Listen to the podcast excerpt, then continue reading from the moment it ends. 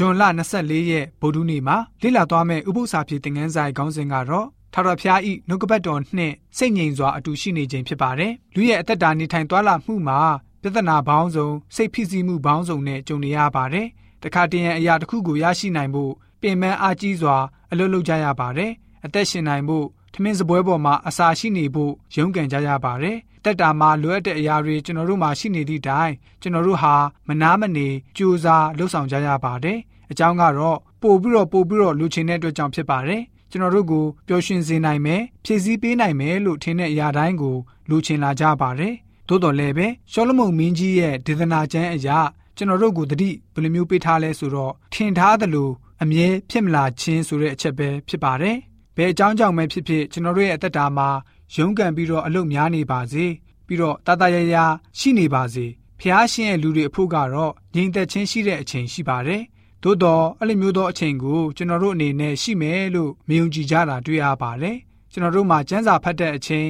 ဆူတောင်းတဲ့အချိန်ဖျားရှင်နဲ့ပို့ပြီးတော့နီးကပ်စေတဲ့အချိန်ကိုအတုံးမပြုတ်တတ်ကြပါဘူး။ကျွန်တော်တို့ရဲ့ထွက်သက်ဝင်သက်ကိုဖျားရှင်ဟာပိုင်ပါတယ်။ဖျားရှင်နဲ့အတူရှိတဲ့အချိန်ကိုအခြားသောအချိန်တွေနဲ့နှိုင်းယှဉ်ပြီးတော့ ချိန်ဆကြည့်နိုင်ပါတယ်ကျွန်တော်တို့အားလုံးဟာမိမိတို့ရဲ့ကယ်တင်ရှင်ကိုစုံတွေ့ဖို့ကိုကိုကိုလှုပ်ရှားရုန်းကန်မှုအပေါင်းကနေအရှိန်သက်ချရပါမယ်ကျွန်တော်တို့ရဲ့များမြောင်လာတဲ့ကိစ္စတွေကိုရုန်းကန်ပြီးတော့မနာတမ်းပြုလုပ်နေမယ်ဆိုရင်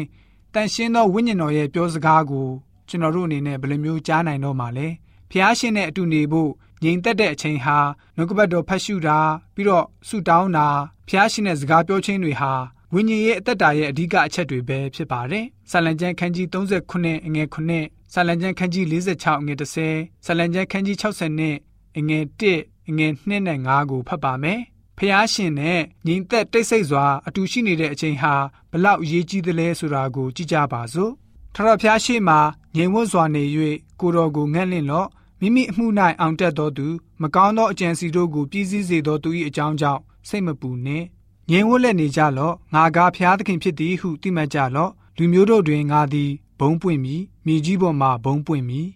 အကယ်စင်စစ်ငါဝိညာဉ်သည်ဖျားသခင်ရှေ့မှငြိမ်ဝတ်စွာနေတတ်၏ငါကိုကယ်တင်ခြင်းအကြောင်းသည်အထံတော်ကတက်ရောက်ရ၏အကယ်စင်စစ်ဖျားသခင်သည်ငါဤကြောင့်ငါကိုကယ်တင်ခြင်းအကြောင်းငါခုလုံရာဖြစ်တော်မူ၍ငါ၌လှူရှားခြင်းများစွာမရှိရာ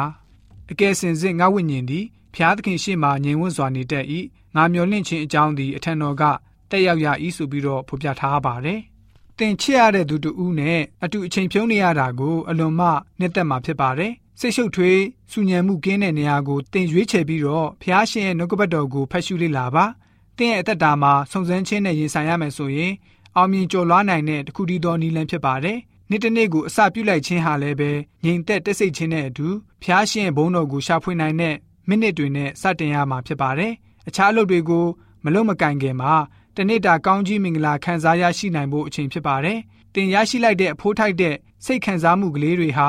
ဆက်လက်ပြီးတော့နိုင်များစွာအတွက်တက်ရောက်မှုရှိသွားပါလိမ့်မယ်။အရေးကြီးတာကတော့တင်ဟာဖျားရှင်နဲ့ညီသက်စွာနေရမယ့်အချိန်ကိုရှာဖွေပြီးတော့ဘာအနောက်ရှက်မှမရှိစေဖို့ကြိုတင်ပြီးတော့စီစဉ်ဖို့လိုပါတယ်။အသက်ရှင်တော်မူသောဖျားရှင်နဲ့ဆက်သွယ်ခြင်းကိုဆုတောင်းခြင်းအပြင်ရှာကြံလိုက်တဲ့အခါမှာတမန်ကျမ်းစာရဲ့အကျိုးသက်ရောက်မှုဟာ